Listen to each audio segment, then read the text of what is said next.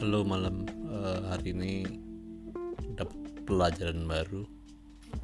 Jadi kalau naik gojek itu siapkan uang dahulu dan bayar langsung ke abangnya.